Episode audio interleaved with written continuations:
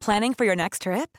Elevate your travel style with Quince. Quince has all the jet setting essentials you'll want for your next getaway, like European linen, premium luggage options, buttery soft Italian leather bags, and so much more. And is all priced at 50 to 80% less than similar brands. Plus, Quince only works with factories that use safe and ethical manufacturing practices. Pack your bags with high-quality essentials you'll be wearing for vacations to come with Quince. Go to quince.com slash pack for free shipping and 365-day returns.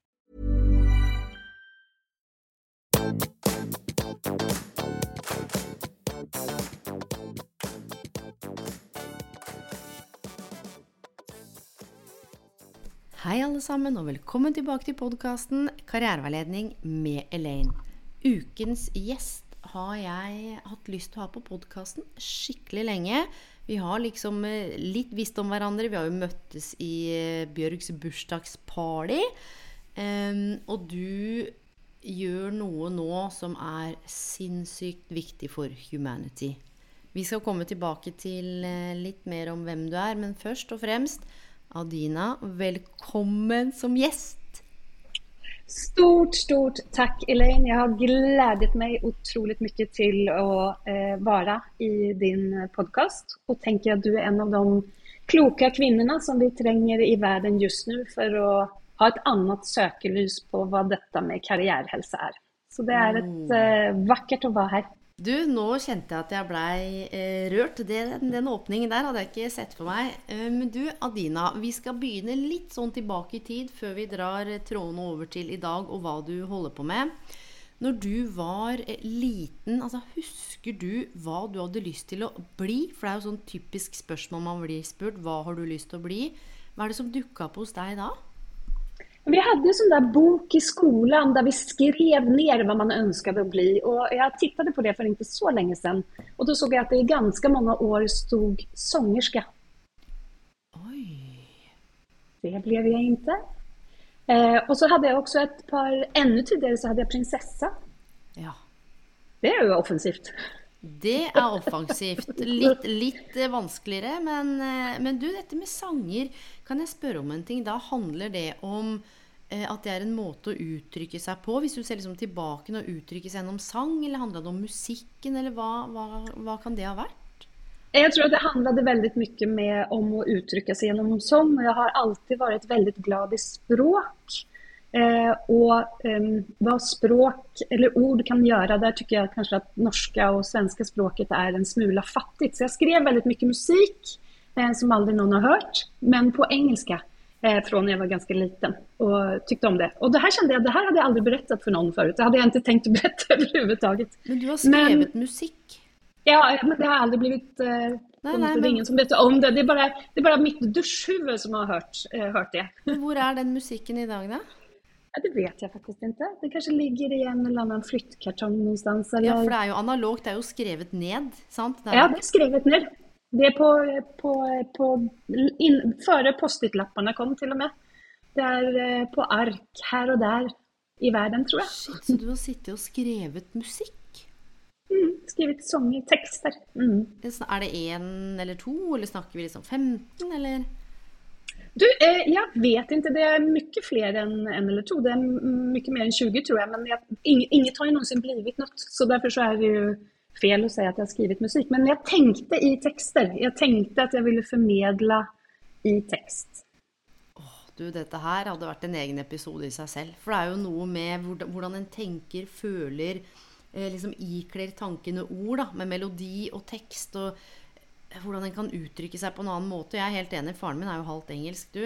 Og ikke, ikke forkleinelse for det norske språket, men det, det, er ganske fattig i måte å beskrive ting på, utbrodere, eh, føle på, da. Mm. Eh, ok, så du skrev eh, Skrev du på en måte gjennom barneskolen, ungdomsskolen, eller forsvant sangen da til fordel for noe annet? Eller? Eh, nei, sången forsvant egentlig med at jeg fikk en litt sådär, det, det er jo lite hva en kommentar kan gjøre med deg, Som jeg tenker veldig ofte på kraften i ord. Du kan ikke ta tilbake saker og ting du har sagt. Så jeg prøver å være veldig eh, medveten om det selv når jeg pratar med andre. Men eh, det var en som sa til meg at men herregud, du kan jo ikke sjunga. Du må jo hitta på noe annet. Eh, jag kommer faktisk ikke ihåg ens hvem denne mennesken var helt. Men det, det, den kommentaren gjorde at jeg faktisk bare slutta. Du tenkte deg det. Og det er også noe som heter sånn slate of mouth, akkurat det du beskriver der. Hvordan en kommentar kan feste seg eh, fra 50 år tilbake. Du er dum, du er tjukk, du får ikke til, du har ikke nok penger. Altså, du er ikke verdt noen ting. Hvorfor skulle noen like deg? Du, det kan bare være en sånn sleivkommentar fra en venn eller fra en voksen hvis vi har barn, en autoritet som ikke sant, Det derre filteret hvor barn eller unge liksom tar inn det meste. Og så får det lov til å liksom manifestere seg, og bare det følger en liksom nesten gjennom livet. Mm. Det er jo helt Men det, vilt. det er helt vilt. Men når det er sagt, så er det ingen sorg hos Nei, meg. nei, Jeg nei. saknar, saknar ikke å og jeg tenker at eh, livet er jo absolutt ingen rak vei, og jeg er tacksam for alle avstikkere. Mm. Du, og det der med avstikkere og masse sånn detours For jeg har en sånn tanke om at eh, vi alle har en eller annen sånn path. Ikke sånn at nødvendigvis den er forutbestemt og alt sånn, men Og så tar vi masse detours. Vi er i en relasjon vi ikke bør være i. Vi er et par jobber vi kanskje egentlig ikke vil ha, men vi treffer noen som vi liker en periode. Du vet eh, og alt handler jo om å lære å skape mening. Og så kommer vi liksom tilbake på den hovedveien på et eller annet tidspunkt, men det kan ta ganske lang tid. Og så er det litt sånn som du sier at det er ikke noe nødvendigvis sorg i å miste dem. Men jeg bare tenker til alle der ute som har foreldre, partnere, som er i møte med kollegaer. Liksom den ene kjipe kommentaren eh, som kanskje kommer ut at man ikke har det godt selv, du, den kan få ganske store konsekvenser. Apropos språk og hva en ikke tenker over, da. Men sånn veien videre da på, på ungdomsskolen, videregående, hva, hvilke tanker hadde du om karriere eller jobb eller utdanning da? Men hadde jo ikke en, en, en rak vei overhodet gjennom eh, videregående og ungdomsskola. For det som hendte, var at jeg er oppvokst i et eh, i ett otraditionellt eh, uppväxtmiljö där jag kallar mina föräldrar vid förnamn och inte mamma og pappa. Og som det kollektivet innehöll väldigt många människor. Så jag hade ganska tidigt ett behov av att flytta hemifrån för att få lite ordning och reda. Så revolutionen min var att eh, köpa räckehus när jag var 17 år. eh, I en liten förstad till Stockholm. Men innan dess så flyttade jag hemifrån redan precis innan jag fyllde 15 faktiskt. Eh, och då hade jag inte råd att fortsätta vidaregående utan då började jag jobba. Så då jobbade jag och serverade, jag jobbade i barnehage. Eh, jag upptäckte då för första gången att liksom, kraften i att vara snäll eh, och vad det kan göra med andra människor. Eh, och sen så vaknade jag upp i det där räckehuset med sju sorters kakor och prydnadssaker och gardinuppsättningar och pärlörhängen och page och såg ut som en tvättäkta tant. så det har jag varit så det behöver jag inte bli igen, tänker jag. Sånt på det sättet. Eh, och då vaknade jag upp och så tänkte jag, jag måste studera. Jag måste komma vidare. Jag vill, jag vill lära mig mer. Jag, vill, jag ville så mycket. Och den skaparkraften, eh, jag satte mig upp, jag huskar att jag satte mig upp i sängen eh, och nästan ropade ut till mig själv att jag måste, nu måste jag ha en andra chans. Eh, och då läste jag på vuxenskola, i Sverige så heter det komvux, det finns säkert motsvarande i Norge. Eh, och där kom jag in i en setting med massa människor från olika bakgrunder. Någon var nyinvandrande från olika länder i världen. Andra hade liksom haft av olika orsaker inte klart att genomföra vidaregående. Och där satt jag med fantastiska lärare som älskade att vara där och som älskade att ge människor den eh, glädjen i att studera när du själv har valt det. Och då hade jag en helt annan motivation för då visste jag att jag ville komma in på Journalisthögskolan och jag visste vad jag ville och då visste jag också vad det krävdes av mig. Men där har jag liksom mina rollmodeller i de här eldsjälarna av lärare som säkert kunde blitt precis vad de ville i livet men som valde att vara där och ge alla människor en andra chans. Du, der sier du noe apropos karriere og livet som er sinnssykt viktig. Dette med hvordan Særlig en yngre generasjon, dette med å liksom skulle prestere, alt skal være perfekt. Eh, Særlig med karrierevalg så tenker en sånn Det er det ene karrierevalget som avgjør alt. Og hvis du bommer på det, eller velger feil jobb, ja, da er det liksom da er det din skyld. Det er noe sånn skam i det å ikke mestre egen jobb eller mestre livet. Og akkurat det du sier der, hva hvis vi ga hverandre en second chance, da? Og dette her er noe med liksom ordet respekt. Vi bruker det hele tiden, men det betyr jo å se en gang til. Og jeg tenker sånn bare det å se på andre en gang til, men også, og det er dette som trigger meg når du snakker nå, dette med å snu kameraet innover og liksom se på seg selv en gang til. Hva er det som gjør da at du klarte eh, å begynne på voksenopplæringen? Altså den driven, den motivasjonen, for den kom fra deg? Ja, absolutt. Den kom fra en slags oppvåkning. Jeg hadde jo noen år der jeg bare jobbet og ikke tänkte så mye, men det var ikke heller nødvendigvis en, eller det var ikke alls en bra relasjon. Mm. Så det var liksom, er det her livet skal være? Den, det var den känslan jeg fikk.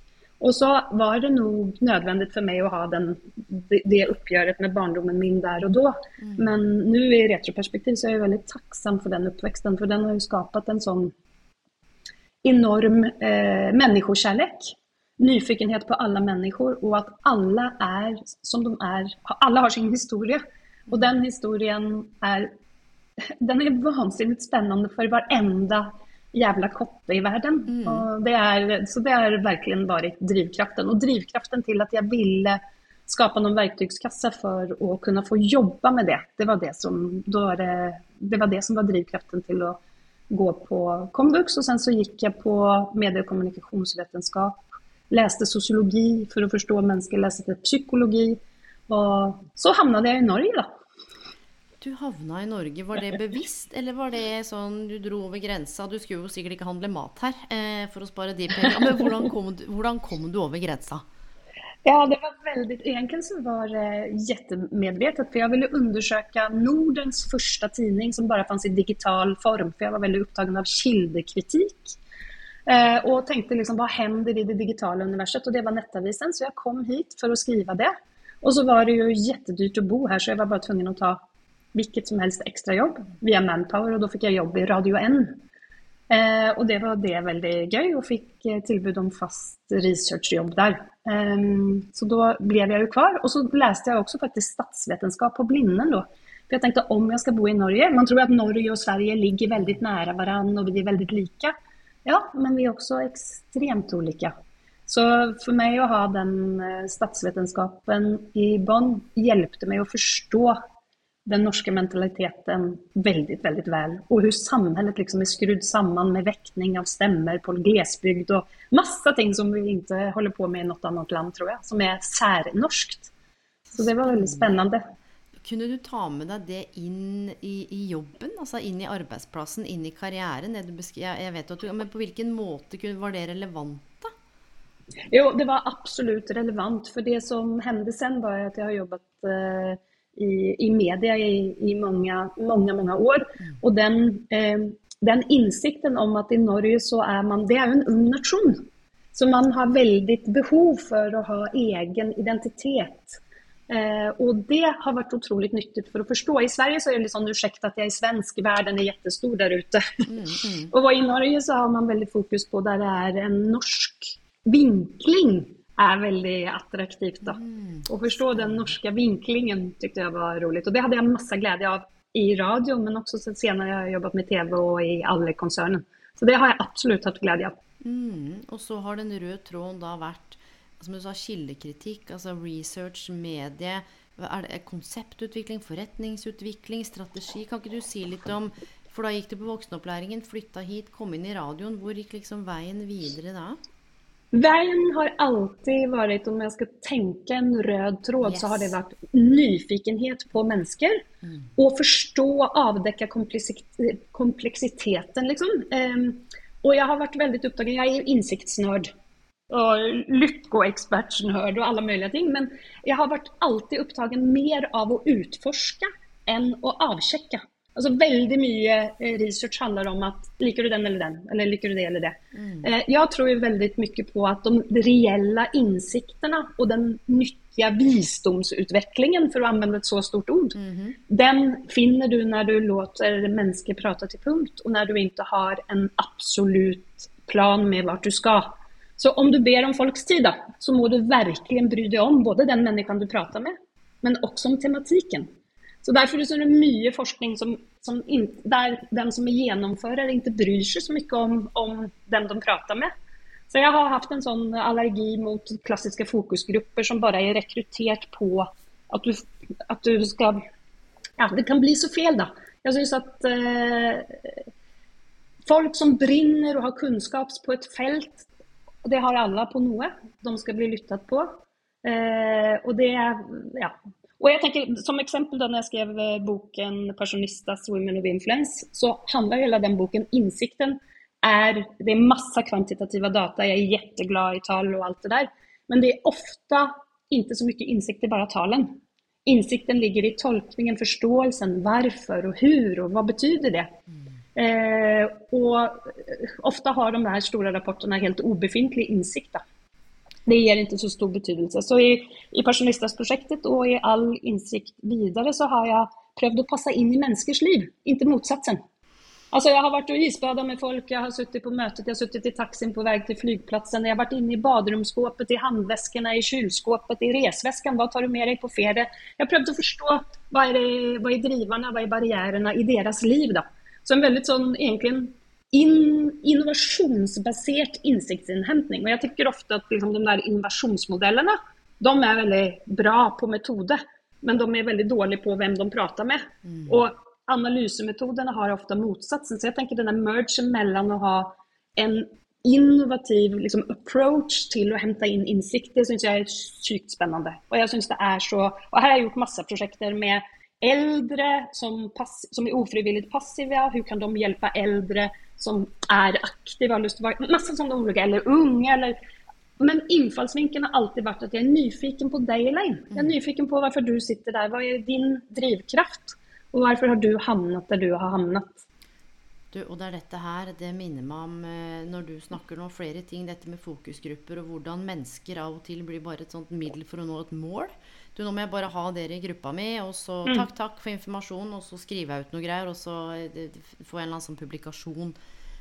Du, folk merker, og dette veit vi, vi veit om noen bryr seg. Vi veit om noen liksom hører du meg, ser du meg, betyr noe for deg? Eller vi veit om det er litt sånn bruk og kast. We just know. Vi klarer ikke alltid mm. sette ord på det. Og akkurat det du sier der, jeg vil heller utforske enn å avsjekke. Det åpner jo for en sånn vast array av veier samtalen kan gå, mer enn at du er låst. da, i forhold til, For jeg vet du har intervjua en del ledere og kvinner, og vi skal komme til det òg. Og det er med å passe inn i folks liv. Og det her er en direkte parallell til karriereutvikling og det jeg holdt på med i 13 år. For man tenker sånn Hvilke muligheter har jeg med utdanningen min i arbeidsmarkedet? Hvem vil ha meg? Så tenker jeg sånn Men herregud, hvorfor har du lagt det der ute? Hva med å tenke sånn Hva er min jobbidentitet? Hva kan jeg tilby? Hva kan jeg bringe inn? Og det er litt det perspektivet jeg hører du har. Ikke bare hva kan jeg få ut av de jeg snakker med, men hva når du titter i reisevesken eller er i dialog, hva kan du også bringe inn, da? Hva er det mm. de, eh, hva er det de sitter igjen med etter å ha vært i møte med deg og vært en del av den samtalen som gjør at det, Oi, her satte jeg igjen med noe nytt. Mm. Ja. Og jeg tenker jo at arbeidsgivere eh, og folk som eh, Så selskaper Jeg håper at man kommer å ta et større ansvar for Eh, eh, medarbeidernes eh, evne, ferdighet til å kjenne glede, og liksom gi verktøy. Jeg, jeg, tror veldig på det at liksom, employer branding kommer å handle veldig mye om at når, jeg, jeg intervjuer de kvinnelige lederne, så sier de jeg spør ikke hva jeg vil jobbe med, jeg spør meg hva jeg har lyst til å lære meg, og hva kan jeg bidra med?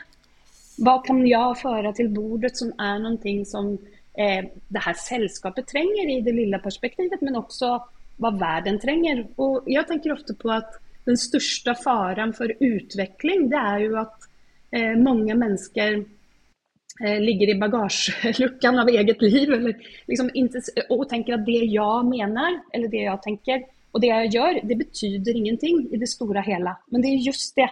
Og det tenker jeg er så viktig nå.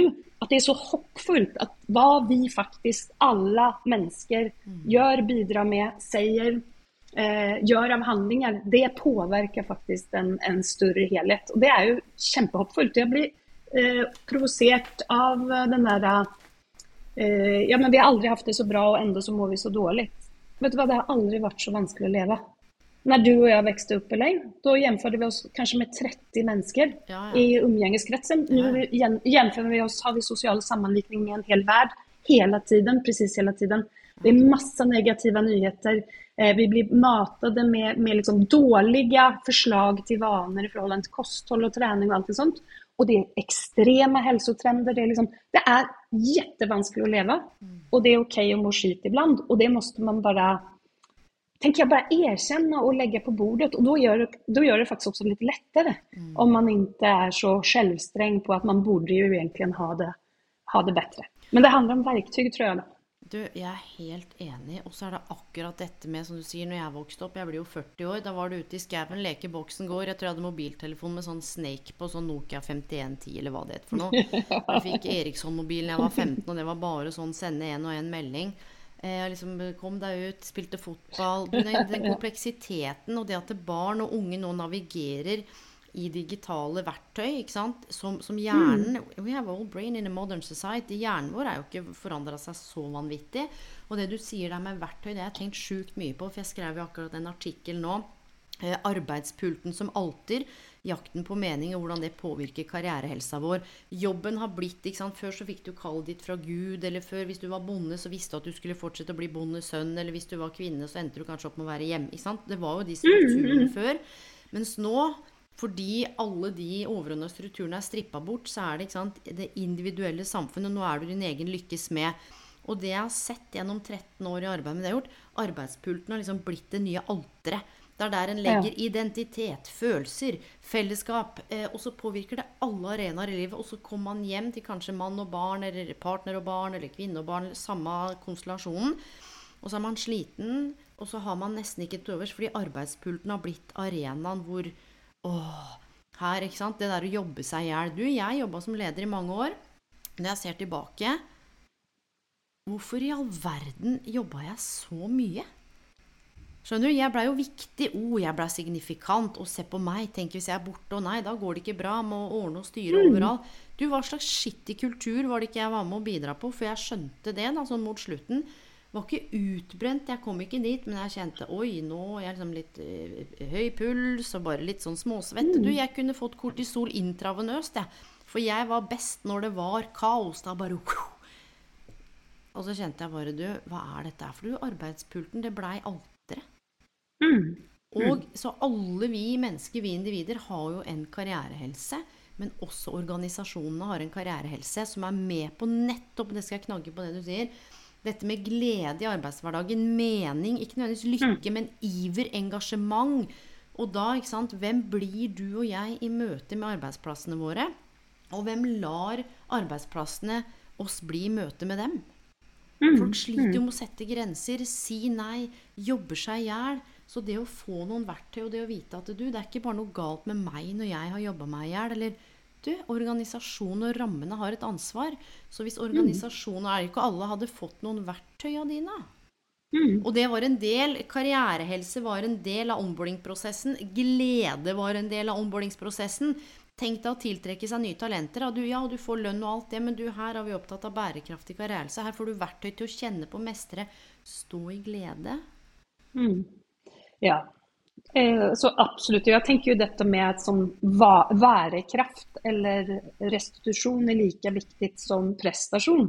Og det er, tenker jeg, det, det, er det som signaliserer det moderne lederskapet, eller nutida lederskapet, som jeg ser popper opp på så mange fantastiske, briljante ledere der ute, som har skjønt det. Og som Karin Råstrøm, som sitter, sjefen for Mercedes, Eh, i Frankfurt som sitter på første møtet med masse nervøse mellanchefer og sånn og bare sier her, på denne arbeidsplassen så er återhämtning like viktig som prestasjon.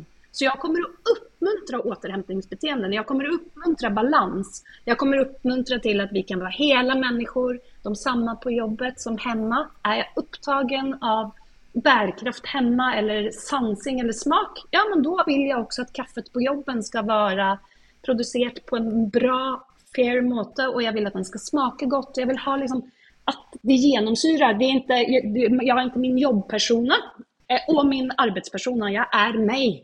Og det må være rom for å være meg hele veien. Og det tenker jeg er så befriende, og arbeidsplasser som klarer å få til det, det, det skaper så, så mye kraft og også rørelse framover. Eh, mennesker som har det bra, skaper suksess. Mm. Og du, 'jeg er meg', sa du. Har du kjent på å være i jobber hvor du har tatt på deg rustning eller vært en annen en? Eller er det sånn at 'jeg er meg', at du har vært deg i alle jobbene? Eller har du måttet redigere ut deler av deg selv og liksom bring a persona, eller har du bare kunnet være det hele mennesket i jobbene dine? Nei, det er absolutt ikke. Jeg har nok i ganske mange år varit väldigt i huvudet og och varit väldigt i leveransemodus till alla och fått väldigt mycket energi av att, eh, att eh, den redaktören sitter med det underlaget de trenger eller den direktøren trenger ditten eller datten Og, og, på en måte ha fått min fiks da, av at eh, den mennesken blir glad eller tilfredsställd eller syns at det er bra. Eh, og har vært alldeles for dårlig på balans. Altså, eh, som går ut over søvn og som går ut over masse ting. Så jeg har personlig hatt en jette eh, tuff resa på det. Eh, og, og, er i, og er i jobbmodus med å få det til, med å bli bedre på det. Så jeg er på ingen måte i mål. Men det jeg har følt at jeg har lært meg, det er utrolig mye. Under korona eh, så intervjuet jeg også veldig mange kvinner. Og det som var tydelig, det var at alle bare Men du, vi skal ikke starte sånn som det har vært. Vi skal ikke bare rakt inn i ekorrhjulet igjen. Nå har vi mulighet til å ha en pause til å reflektere. Hva er det vi være? Hva ønsker jeg å være? Hva ønsker jeg at min arbeidsplass skal stå for å formidle? Og det her var mange ledere som jeg pratet med. Og det syns jeg var eh, så hoppfullt. Og jeg er veldig spent på om endringen vedvarer. Om det er, har skapt sånne nye liksom, vaner i arbeidsmiljøet som eh, som gjør at man kanskje klarer å få det her balansepuslet å gå i hop litt eh, bedre. Og så tror jeg at jeg alltid kommer å jobbe. Jeg elsker å jobbe. Jeg ser for meg at arbeidslivet altså jeg, når, når, vi prater om pensjonsalder og sånn, så tenker jeg hæ? Vadå pensjon? Altså, vi holder på til jeg, jeg, legger meg ned på rygg liksom, og sier takk for meg. Jeg, jeg, jeg, elsker jo det jeg gjør. Jeg elsker jo å eh, jobbe med forståelselærer og visdomsutvikling. Og, og, det som jeg holder på med nå, kjennes jo som intet mindre enn et djupt kall. Så det kommer jeg alltid å gjøre. Men jeg tror at formene, kanskje nå, når vi ser jo på mange i mange land der folk tiltreder jobbene når de er 70, kanskje man skal jobbe 20 år til, da. Alltså, kanskje vi skal ha andre deler. Kanskje du og jeg skulle vært litt mer ledige når vi var småbarnsforeldre. Det kan jeg tenke på. Da hadde jeg med meg den uh, babysen i alle møtene, og var, masse, masse, masse, masse. Kanskje Kanske man skal ha liksom perioder i livet der man kan så yes. arbetslivet är ju nästan, kommer jo, tror jeg, være 70 år mm. Hvordan skal man jonglere det? Yes, og akkurat det med ulike livsfaser. Og jeg jeg eh, holdt jo på med en, en, master i karriereveiledning, sånn deltid, da, for jeg jobba jo ved siden av både med selskapet mitt og en del andre prosjekter. Og fødte jo han halvveis i masteren, eh, og leverte jo arbeidskravet det ene arbeidsoppkravet fire uker etterpå, et nytt et tre måneder etterpå, og så eksamen. Og sånn gikk det. Eh, og når jeg ser tilbake, så hadde jeg gjort det på nytt, for det er jo klart eh, samtidig oh, Det mm. var eh, at, det gikk. Og jeg jobbet jo også. Mm. Så det er sånn når du ser tilbake, og jeg tror jo eldre vi blir, jo mer en er, tar veien heisen ned da, fra hodet til hjertet, eller opp, eh, og kobler på The body keeps the score. ikke sant? Så kroppen den kjenner jo Så tenker jeg sånn du, hvem, hvem, er som holdt på med Å ja, det var sånn, det var hun prestasjons-Elaine? Eller det var hun people pleaseren-Elaine? Ja. og det som er så deilig, er at mye av det har jeg eh, lagt fra meg. Og jeg stoler på at de relasjonene som oppstår, de møtene som kommer du, de kommer av en eller annen grunn. Og da har jeg lyst til å mm. bare spørre deg om nettopp det du sa med der hvor du ikke kunne være deg selv. og hvordan er det du Eller du er, du er på vei ut av, inn i jobbe med. Hvordan er det du skjønte at nå, nå, må jeg bremse. Eh, og jeg spør litt, fordi jeg har jobba mye med utbrenthet, og de fleste sier sånn Ja, når jeg ser tilbake, så skjønte jeg jo. Var det mm. noen sånne tegn som du nå satt du til elleve på kvelden, eller altså sånn hvordan? Ja, jeg begynte, jeg begynte smygjobbe. Eh, så jeg var, gikk opp, eh, jeg gikk opp halv fem, og så jobbet jeg til barna skulle vekkes. Og så, så, eh, så jobbade jeg også på kvelden når alle hade eh, somnat så jobbet jeg. Så jeg hadde mer enn 80 timers vekker under ganske lang period. Og det var ingen som såg liksom helheten av det jeg gjorde. Eh, og sen så husker jeg så skrev min son på ønskelisten sin til jul, mamma jobba mindre på nummer 1, 2 og 3. Den, den, den, den, den satt ganske stykk. Og da var jeg tvungen å se meg selv i spegeln og så tenkte jeg 'Hvorfor gjør jeg det her?' Eller, og det var jo det var ikke det att alla isolerade uppgaver inte mm. var viktiga eller inte morsamma eller inte utvecklande eller på alla möjliga måter. Men det var liksom summan av ting och bristen på balans. Mm. Eh, och då sa kroppen ifrån rett og slett. Så eh, mm. mm.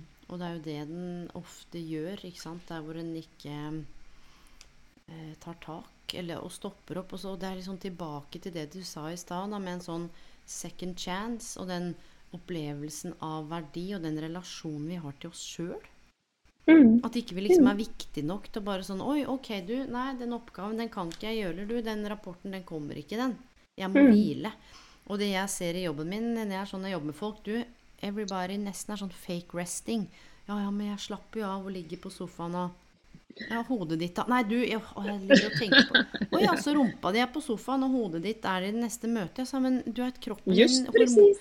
Du, det er jo akkurat det, hvordan vi beveger oss mellom fortid og fremtid. Og selv om vi fysisk er et sted, så kan vi mentalt være et annet et. Og det du sier med å smugjobbe Du, det er jo nesten en form for rus for ja, ja. en del. Og det er derfor den, ikke sant, den Nexfix av arbeidspulten som alter um, bare slo meg. Du, du smugjobber. Smygjobbar. Men det som jeg tenker eh, som jeg är eh, helt, på et helt annet sted eh, dag enn i den perioden i livet, det er jo at det som jeg, opp, som jeg gjør nå, det oppleves jo som eh, at det er så livsendrende. Eh, redda liv og skapar noe på en helt annen måte. Så jeg kan ikke riktig hjem, jeg, kan ikke riktig, jeg ser ikke riktig på det som et jobb og det har jeg nok egentlig aldri gjort. Jeg ser det som som, et, som et sett å leve for å eh, hjelpe så mange som mulig. Du, og da er det to ting jeg lurer på. For du har kalt det sånn type kall. Og da er det jo noe med hvordan alle brikkene på en måte har kommet sammen. Fordi hva er rollene, rollen din nå, og hva gjør du liksom hva, hva, hva jobber du med nå? For du har både sant, lykkeforsker, intervjua eh, masse ledere og kvinner. Du har jobbet som direktør. Eller aller med, mm. Hva holder du på med akkurat nå? Hva er den røde tråden liksom, fra alt det du har gjort, og inn i det du beskriver nå? What are you doing at the moment? What am I doing at the moment? Eh, det som er, eh, som hur jeg kom inn i dette, er jo at jeg har jo eh, under de her årene når jeg har pratet med kvinner, så har jeg sett at de som har klart korona best, og som har klart utfordringer i livet best, det er de som har en høyere eh, score på det som vi har kalt lyckoskalan eller evnen, ferdigheten til å kjenne glede. For det er faktisk som en muskel, den må du trene opp. Og eh, forskningen sier at ungefär eh, 50% av vår evne til å kjenne glede, det er genetisk. Det kan vi ikke gjøre så mye med. 10% handler om ytre faktorer. Hvordan det så ut, hva jeg jobber med, hvem jeg henger med. Det er den som alle jager. Bare jeg ble litt smalere, bare jeg fikk det jobbet, bare jeg fikk den mannen, bare jeg fikk barn, bare jeg ikke fikk barn, osv. Eh, och sen så er den, men den største og viktigste eh, insikten det jo at 40% handlar om intensjonelle handlinger eller vaner. Og dem kan vi faktisk gjøre noe med. Og dem kan vi gjøre noe med gjennom å sette oss liksom i førersetet og bestemme oss. For det har en bevissthet, i en medvetenhet. Og det er ikke lett, for vaner er jo svåre å skapa. Dette skjedde, har jeg vært interessert over lenge, og så traff jeg Bjørg, som er eh, en nära vän och en väldigt, väldigt klok eh, kvinna.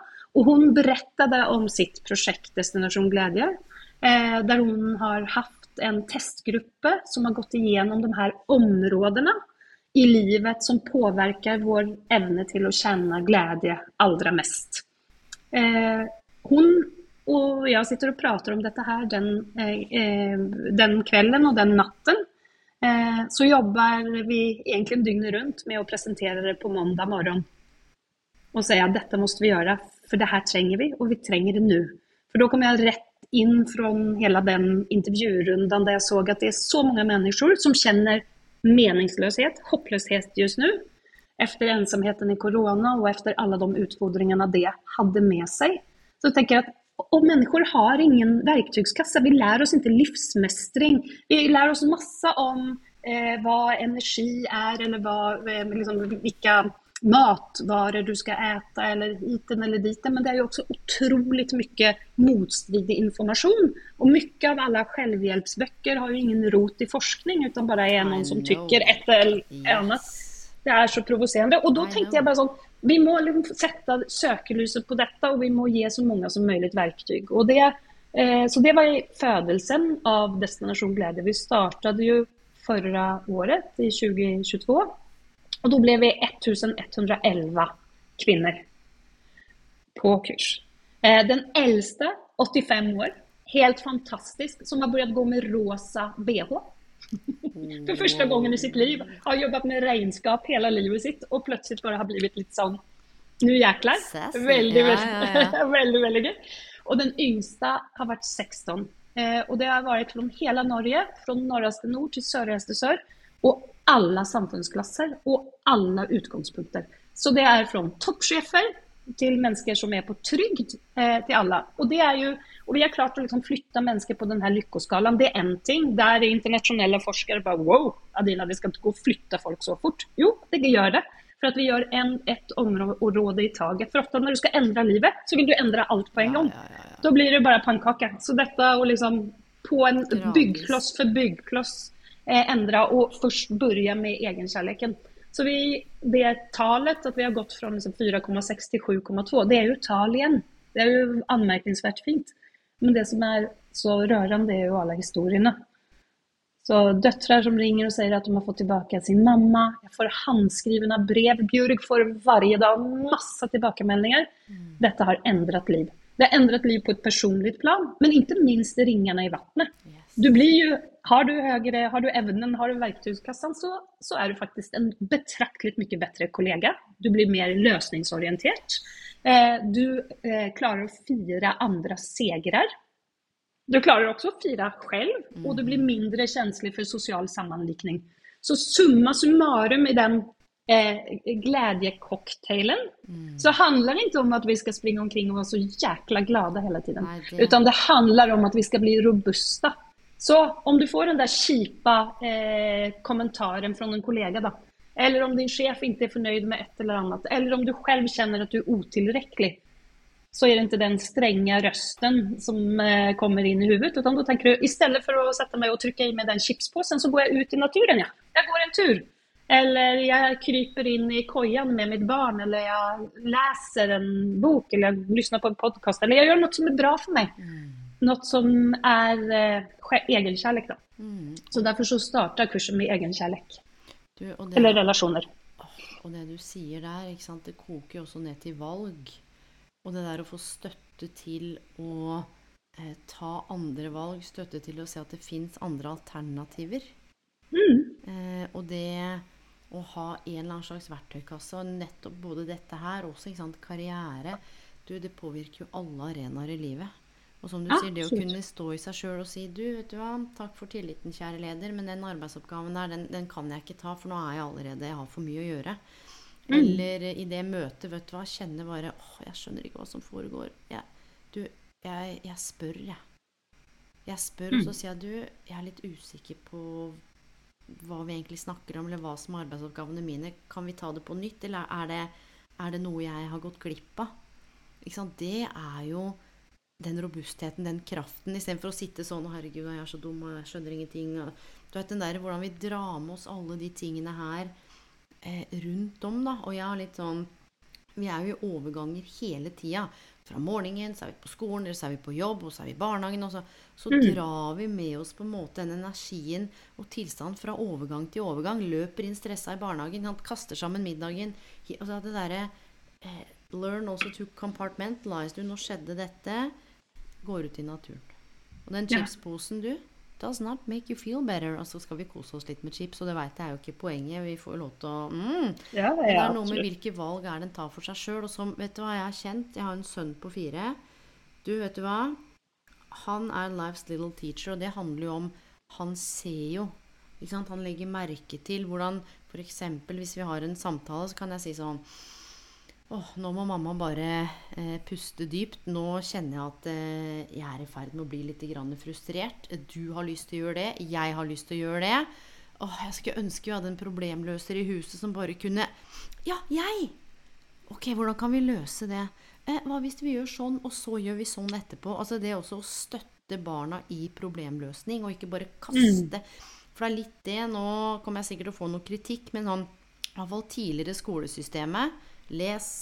Eh, ikke tenk så mye selv, bare skriv ut Den derre evnen til å eh, innstille innovasjon og problemløsning. Og det er det også jeg hører at eh, Destinasjon glede gjør, dette med empowerment, men også sånn Du, det fins flere alternativer her. ja, og så tenker jeg at det her med liksom egenmotivasjon, det er jo en veldig otillförlitlig källa. För den varierar vi ju väldigt. Vi vet ibland är vi supermotiverade och ibland är vi inte det. Mm. Så därför så handlar det också väldigt mycket om att göra ting. Alltså bara göra ting. Mm. Etablera några, få hjälp att etablera några goda vanor så att du känner att du redan har lyckats. Alltså tänk att du kommer på jobbet och så har du, gjort, har du haft en fin morgon med din fyraåriga son. Mm. Det är world of difference. Eh, hur den dagen startar. Och det är liksom aldrig för sent att starta om den dagen heller. Og så tenker jeg at det er et begrep som liksom kan være et sånt fagbegrep, men jeg tenker veldig mye på det, og jeg tror at det, har, at det er så utrolig viktig at vi må forberede oss på eksistensiell fleksibilitet. Da. Altså, we don't know. we don't know what's going to happen. Så det er liksom, hva er det vi kan gjøre for at vi blir eh, ikke endring for endrings skyld, men mer se, liksom se, se, det som utvikling. Og her er vi jo alle ekstremt olika, men jeg tror også for arbeidsplassers del å ha en liksom bevissthet på hva gjør det med mennesker at vi lever i det. At det faktisk er et, et, Det er rundt oss hele tiden. Vi må liksom forholde oss til det på en måte. Mm. Det, tenker jeg, det tenker jeg er viktig. Og det der er jo direkte over to ting. Den ene som du sa etter koronaen, har har folk tatt grep? Har man gjort endringer? Og der vil jeg si både og, fordi jeg mm. har jobbet mye med the aftermath. Eh, hvor de fleste, sånn litt satt på spissen, har et ønske om å bytte jobb eller finne mer mening. Og så er det noe med, sånn som du sa, steg for steg i destinasjon glede. Eh, eller sånn du bygger oss og bygger oss. Det er jo ikke nødvendigvis sånn at en må endre på alt eller si opp alle relasjonene sine, eller at en må bare si opp jobben. Det handler om å liksom sortere og kartlegge og forstå hva, er det som foregår i meg akkurat nå. Det er liksom ikke hele jobben og alt skal kastes over bord, men det er disse bitte små skrittene. Så jeg vil si at etter pandemien så er det ganske stort trykk, og er enda på du jobben oppe, liksom, lever ikke etter verdiene, sånn og sånn, og etisk reisevei. Mye som en kjenner på, eh, som en misser igjen etter koronaen, og særlig fordi nå er det jo ikke så mye hjemmekontor, selv om mange savna, samhold. Så der har det vært både og. Og det andre, som du er inne på nå, med eksistensiell fleksibilitet, det er endringer. Jeg sitter daglig med organisasjonsutvikling, endring, omstilling i veldig store organisasjoner. Sist nå så snakket jeg med en, jeg har fått lov til å bruke historien, men på en måte ikke navnet som har blitt eh, nedbemanna for, for tredje gang på fem år i tre forskjellige jobber. Kommunikasjon der has been shitty. Så det er sånn Du, det kan mm. skje noe, vi veit ikke. Så har man gått i det. Apropos det eksistensielle. Mm. Jobb. Penger. Jobbidentitet. Hvem blir jeg nå? Skal jeg på Nav? Må jeg søke jobb? Jeg har to barn. Det der du beskriver der, med eksistensiell fleksibilitet, og det gjennomsyrer særlig den karrieredelen. Er det her jeg skal være? Er jeg ment for noe mer? Har jeg tatt det riktige valget? Bør jeg bytte? Er dette riktig? Hva skjer om fem år? Du vet, alle disse spørsmålene her. Altså, mm. Akkurat når du beskrev det nå, så bare Du, dette, dette er det som går igjen i uh, mye av de organisasjonsendringene. Og det nedbemannes og omstilles nå nesten masse. Ja, mm. der sa du det. Mm. Tenk deg det, apropos den verktøykassa til arbeidsgiverne, da. Og den mm. verktøykassa til eh, arbeidstaker, også de som driver for seg selv eller er konsulenter. Men så tenker jeg, hva, hva det, hvordan kan jeg være med på Destinasjon glede nå, liksom? Er det starter opp på nytt, eller? Ja, nå er vi, vi har jo startet, startet det nye året og har Det er fortsatt mulighet å melde seg på. Og rent konkret så er jo kursen eh, omhandler de sju områdene som påvirker vår evne mest. Og det handler om å, relasjoner. Da er det jo jobbrelasjoner i forhold til arbeidsplassen. Altså team og hele det tankegangen der. Eh, og sen så handler det om vaner. Skape og etablere gode vaner som et smørgåsbord av allting mulig. Du plukker med det som passer deg og ditt liv. Og sen etter det så handler det om kroppen. Mm. Alltså få glede i bevegelse, mm. oavsett hva det er, men noen form av bevegelse. Og her er det så hoppfullt. Du behøver ikke de 10 000 stegene, det holder med 6000 steg. Og det er så mange myter som vi liksom lever i, men mm. så, som vi bare setter krav til oss selv på. Der er det så eh, fantastisk. Og der har vi samarbeidet med Yngvar Andersson, som er eh, nydelig og får, eh, får den bevegelsesgleden. Jeg syns det er veldig gøy å legge ihop minutter. Når jeg støvsuger, så er det liksom så er det tid og alt. Jeg bare samler på de her minuttene. Og da samler man jo mer og mer, så det er kjempebra. Og sen så handler det om mat og vad, liksom, hur du behandler eh, din kropp med hva du puttar i deg. Så skal vi balansere duktighet for, god, för guds skull. Jeg er veldig allergisk mot dieter og alle mulige sånne ting. Men bare balansere. Er du sugen på noe, så gjør det. Skli ut litt. Men i det vanlige, behandla din kropp vel. Og sen så er det ekonomi.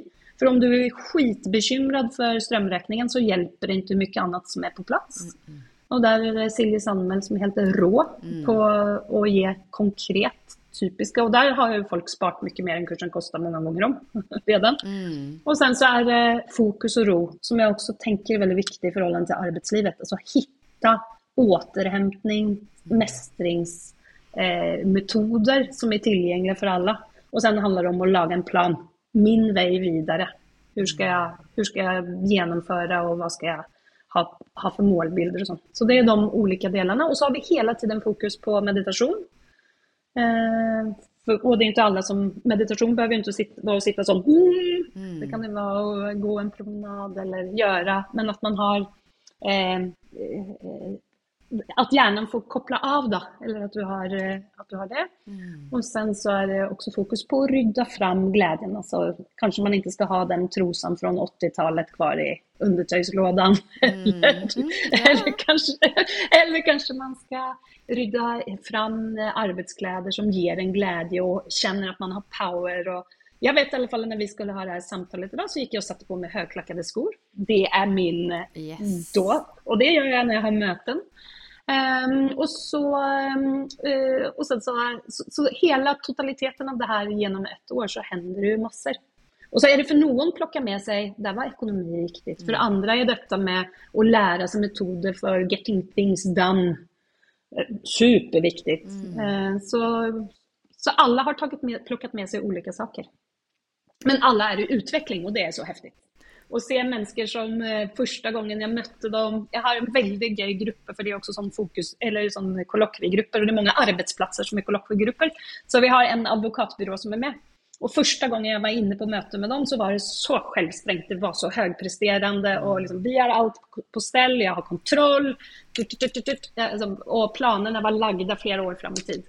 Eh, og nå på seneste forrige uken så var jeg med i den gruppen igjen. Og det var bare så nydelig. For at det har endret seg. De har lært seg å balansere den dyktigheten. De har fått et rikere liv. De har fått bedre relasjoner med kollegene, absolutt. Eh, og med familie og venner. Så det har liksom hendt eh, enormt positive kvantesprang i menneskers liv. Det er så fint. Du, det er fantastisk. Jeg blir veldig sånn reflekterende, så jeg vil liksom bare ta det inn. Apropos alle disse områdene og hvor viktig det er. Og så blir jeg nysgjerrig på fra i fjor, da, hva er, du, hva er det du sitter igjen med, som du sa, alle historien og utviklingen? Hva, eh, og, og, din utvikling oppi dette her, da? Hva er det du har sett med forskningen din, med intervjuene? Eh, hvis du kaster liksom et blikk på 2022, eh, blei det sånn som du tenkte at det skulle bli? Var det noen curballs eller noen overraskelser over hvor kraftfullt dette var? Eller noe du ikke hadde tenkt på som dukka opp, som var sånn Oi! Oj, det är jättemycket som har varit. Det som har varit kraftfullt var hur enormt häftigt det är med mångfald och hur en grupp av fällskap kan absorbera. Eh, från en superintrovert som, är, som inte sa noe, som bara blir liksom som lyfta upp i den gruppen, alltså den kärleken i den gruppen. Och när vi har haft de eh, turerna eller de teamarbetena eller de kollokviegrupperna eller vad vi väljer det kalla det. Att människor från helt olika ståsted har förenats i längtan efter att ha ett bättre liv där de sitter mer som kaptener i eget liv. Och den känslan eh, när människor upplever det och klarar att sätta gränser och klarar att ge besked till kollegor och chefer och men också ha hela den egenutvecklingen. På ett personligt plan så har jag, eh, har jag lärt mig att ta pauser för första gången i mitt liv. Uh, det er kraftfullt å si høyt. Det syns jeg var modig. Mm. Jeg har alltid vært när, når, folk har gått og tatt pauser, så då får jeg gjort det her så lenge. Det der, eh, det der var huge. Jeg tror alle som lytter, eller ikke alle, men veldig mange kan kjenne seg igjen i sånn hm, er, det, er det lov til å faktisk ta pause? Skal man gjøre det? Sånn på ekte og ordentlig? Du, jeg har börjat isbada massor till exempel. Jag har etablerat nya vanor. Jag har haft, jag lovade mig själv att jag skulle, det har jag hållit på med i fyra år, men en kvart varje dag så ska jag lära mig någonting nytt. Någonting jag är nyfiken på. Det är många bubblare som vill in på listan. Massa. Eh, men en kvart, 15 minuter varje dag, lär mig något nytt. Mm. Det visar ju också lyckoforskning att det är jättebra för, eh, för utveckling genom hela livet och skapa massa glädje. Och så har jeg börjat trene, og i starten så somn, gikk jeg og la meg med treningsklær. så at jeg ikke skulle ha noen anledning til å escape på morgenen. Nå gjør jeg det helt automatisk. Iblant Ibland är det bare fem minutter, en strekk. ibland er det lenge, men det er liksom det kroppen behøver. Ofte er det bare å gå en tur ute, men, eh, men att bara få inn det i hver dag er helt fantastisk. Det har gjort enormt mycket. Du, og det er dette her jeg liker med deg. Og, og Bjørg var jo på podkasten i fjor, og Kristin Kalve har vært på podkasten. Denne episoden er jo ikke sluppet ennå. Hun er også en del av Destinasjon glede og det. Ja, kommer mer tilbake til det om, om en del episoder. Um, men du har jo på en måte Det er litt sånn 'practice what you preach'. Altså Du har jo stått i, levd i, følt. Bjørg har jo kjent på ting som hun delte. Altså. Jeg tror det jeg liker med dette her, og hvorfor jeg liker dere, er jo fordi Eh, det er noe med den livserfaringen. Life's been lived. Det er ikke sånn 'Å, i mm. denne boken så er det lurt å være glad i seg selv', og hvis du gjør disse tre tingene, så får du flat mage, blir lykkelig, og du får drømmejobben. Det er på en måte ikke der. Og jeg er så glad for at du sier det, og, og, og, du, og dette med liksom bare sånn tenk positivt. Altså, uh. Du, det er mm. også forska på, apropos glede, da, um, og dette handler jo mer sånn om, om følelser, men følelse og lykke, altså alt henger jo tett sammen. En av de viktigste følelsene vi kan ha, og den beskrev jo, det er jo iver iver og engasjement, det er ikke på en måte selve den lykke Og det er jo ikke det Destinasjon Glede holder på med, at den skal være lykke, men og det er Noe av det som driver glede også, er bl.a. iver, altså som følelse. Når du er ivrig etter å bruke de 15 minutter på å være ivrig etter å se et, Den iveren der, hvordan den også, eh, som du sa med ringer i vannet, bare trickles down alt til alle arenaer i livet. Og jeg tror eh, i den komplekse verden vi lever i nå, så har jeg opplevd at det er så mange, og særlig i jobben min, både med sånn, sånn jobber jo med livsveiledning og livscoaching og, og, og karriereutvikling Altså, man har mista kunsten eller evnen til å stole på seg sjøl. Så kan ikke du bare fortelle meg hva jeg skal jobbe med, hvordan jeg skal trene, eh, hvordan jeg skal elske, hvem jeg skal elske? Kan ikke du bare hjelpe meg? Du, jeg er helt overbevist om at vi alle veit hva som er riktig og viktig for oss, og hva vi egentlig vil. Jobb, karriere, kall. Men det er så mye sånne hindringer som står i veien. Vi veit ikke hvordan vi skal få det til. Så for meg så er jo destinasjon glede Nå er det bare sånn, sånn som jeg hører det. Så mm. handler det om eh, Det handler ikke om å fortelle folk sånn får du, eh, sånn får du glede. Det handler mer om eh, La oss eh, rearrange og liksom løfte blokkeringene. Sånn at den du er, og det du kan, og det du vil, faktisk endelig kanskje får lov til å komme til syne. Ja, absolutt. Det er det jeg hørte når du snakka mm. nå. Det var min sånn tolkning av det. Ja, absolutt. Og at det er, et, eh, det er, en, det er en, stor verktøykasse der noen verktøy passer deg, og noen passer ikke deg. Men du får, du får, liksom, du får nykken da, til å kunne løsne opp i ting på så mange deler av livet. Och jeg tenker også dette som, som med tacksamhet og det att ge till någon annan uten å forvente noen ting tilbake. Det er ambisjonen til Destinasjon Glede er å skape et varmere samfunn med masse ringer i vannet.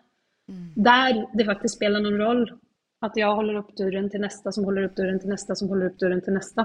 Som gjør at vi totalt sett faktisk At det blir totalt sett eh, både litt enklere, men også morsommere å leve.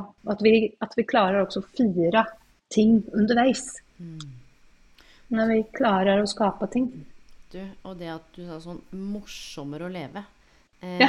For mange så er jo livet veldig alvorlig. Valg av partner, valg av karriere. Hvordan ser jeg ut? Hvor skal jeg få pengene fra? Du, og det er det jeg merker i karriere òg. Liksom, det er så mm. alvorlig. Ja. Det skal ikke være det. Vi må ha det gøy! Vi må ha det gøy. Ja, og det er akkurat Morsommere å leve. Du, så deilig. Og da tenker jeg sånn inn, eller avslutningsvis, altså er det to ting. Det ene er hvor kan en finne ut av mer om Destinasjon glede? Vi må begynne med det, så du kan få lov til å fortelle det. Mm. Bare gå inn på, på websiden destinasjonglede.no, så står det ganske mye der. Mm. Eh, vi har også en Instagram-profil som heter det samme. Eh, og en Facebook-gruppe. Og så er det eh, mulighet til å ta også direktekontakt med, med meg, eller ja, med meg, f.eks. Om man er nyfiken på å vite mer. Det som vi kommer å jobbe med i 2023 er at vi kommer å jobbe jättemycket med arbeidsplasser for å liksom, verktygskassen på arbeidsplassene. Mm. Og også i forhold til skole og unge. Mm. Oh, my passion. Du ja. Herregud, så spennende.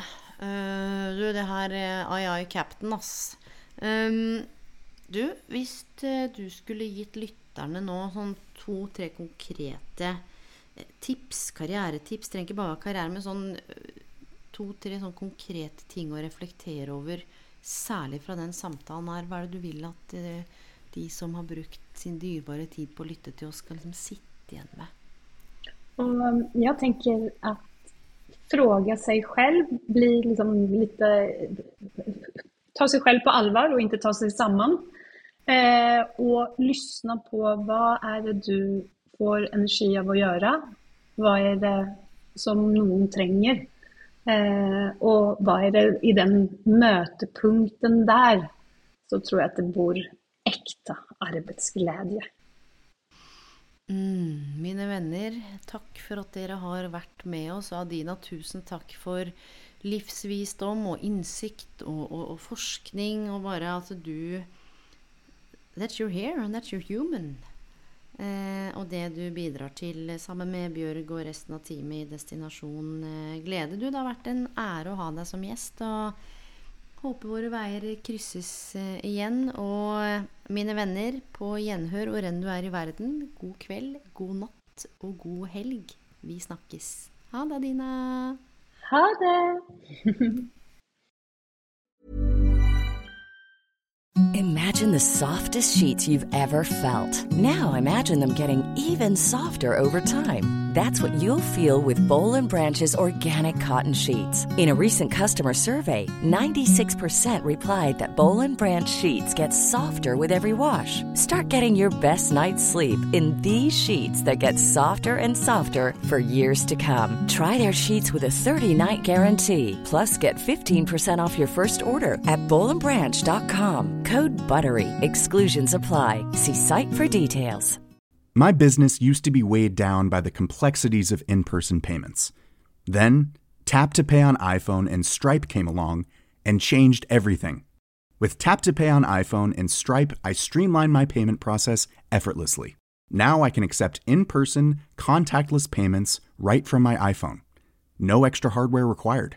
What's truly remarkable is how I can cater to all of my customers' payment preferences.